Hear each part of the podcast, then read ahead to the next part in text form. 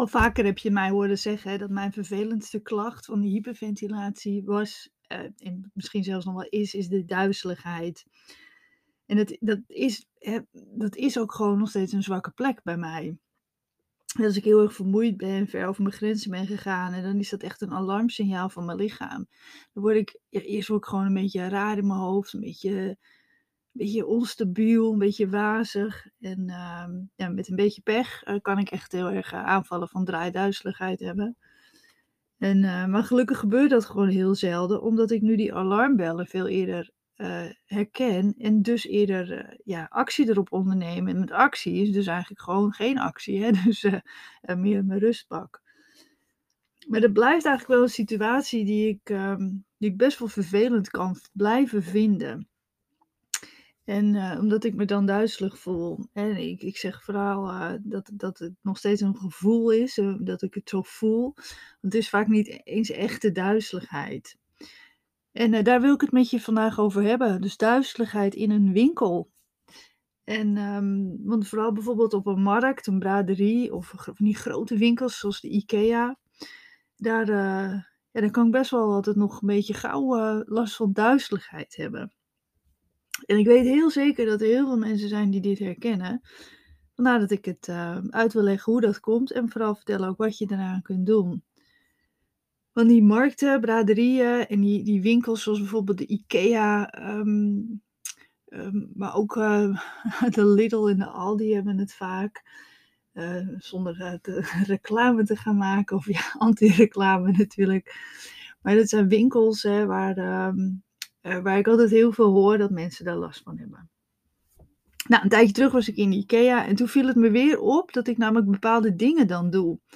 En ik was natuurlijk eh, vanwege corona en zo en natuurlijk al heel lang niet in IKEA geweest. En eigenlijk sinds corona ja, kom je gewoon veel minder op dat soort plekken. Met veel prikkels. Dus ik denk dat het me daarom ook gewoon extra opviel. Eh, Het licht was heel fel, er waren heel veel geluiden en er was vooral heel veel te zien en dus veel prikkels voor je ogen. Eh, Overal gebeurt er wel wat, zoveel details te zien. En eh, ik ben best een beetje een control freak en ik wil dan alles in me opnemen en ik wil alles zien. En eh, misschien herken jij dat ook wel. Maar wat ik dan doe, dat is iets wat jij waarschijnlijk ook onbewust doet. Ik ga er op een bepaalde manier lopen en ik probeer mij af te sluiten. Maar daar kan het dus misgaan als je niet oplet. Dus ik hoop dat de volgende keer als jij op zo'n plek bent die wel duizeligheid bij jou kan uitlokken. Misschien heb jij het ook wel gewoon op straat of in de supermarkt of eh, ja, in, in, in een andere winkel waar, ehm, eh, waar, waar ook veel prikkels zijn, maar minder prikkels misschien dan, eh, dan in een IKEA. Ehm, hoop ik dat je ook eens op gaat letten of je dat ook misschien wel onbewust bewust doet, hè, als je op zo'n drukke plek bent met veel prikkels. Wat ik namelijk doe, ik trek mijn schouders op. Ik maak spanning in mijn gezicht. En ik ga verkrampt bewegen vanuit mijn bo- bovenrug en ik beweeg mijn hoofd amper. Maar als jij me al langere tijd volgt, dan weet je dat, je dus allemaal, dat het dus allemaal helemaal niet goed is om te doen. Omdat het juist kla- klachten geeft van duizeligheid. Maar het is ook niet goed voor de ademhaling. En dus met een beetje pech triggert dit dus je paniek en word je ook angstig in een winkel of bijvoorbeeld op de markt. Dus probeer er die volgende keer als jij op zo'n plek bent eens goed op te letten wat je doet onbewust. Wat doe jij hè, met je schouders? Trek je die ook op? Beweeg je armen nog lekker losjes met je mee? Of heb je die over, je, over elkaar? Of heb je die verkrampt in je, in je bijvoorbeeld? Wat doe je in je gezicht?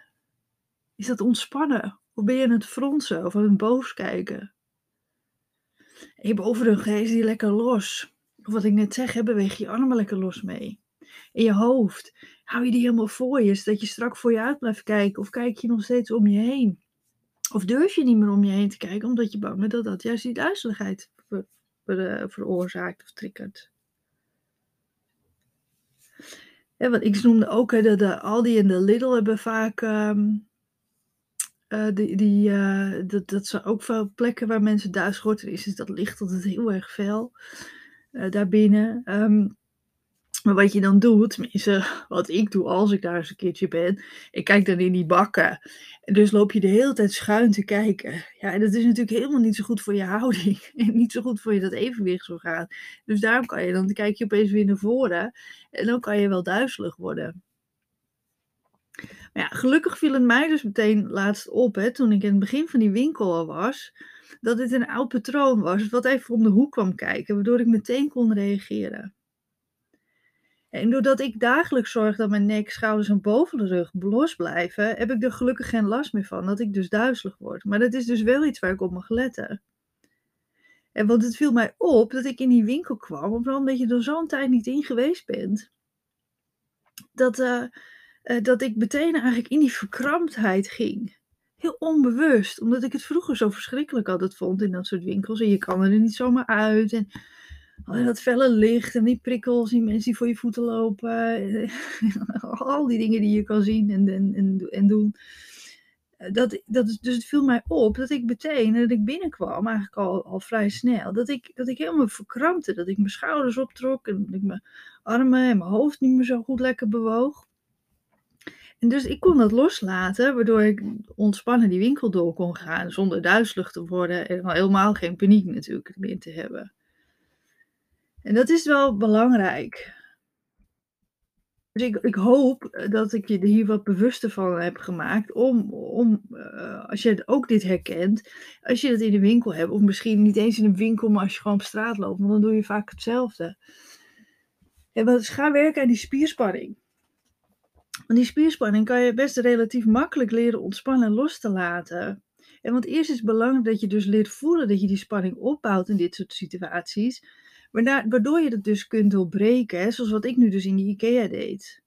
Maar wat je ook in andere winkels of op de markt of op een braderie, als we die straks weer allemaal gaan bezoeken, hè, dat, dat je dat dus onbewust doet. Dus ga gericht oefenen om die spieren los te krijgen. Want dat, dat, dan word je, ten eerste als je gaat oefenen, word je bewuster van dat je, dat je die spierspanning opbouwt. Dat je schouders optrekt en dat je, je, je als je je armen tegen je aanduwt, dan heeft dat meteen bijvoorbeeld effect ook op die uh, borstkastspieren. Hè? Dus die, die gaan ook verkrampen. Waardoor je en niet zo lekker kunt ademen. En de kans dat je last van je borstkastspieren krijgt natuurlijk ook weer groter uh, aanwezig is. Dus, dus door ermee bezig te zijn, ga je het eerder herkennen, kan je het doorbreken.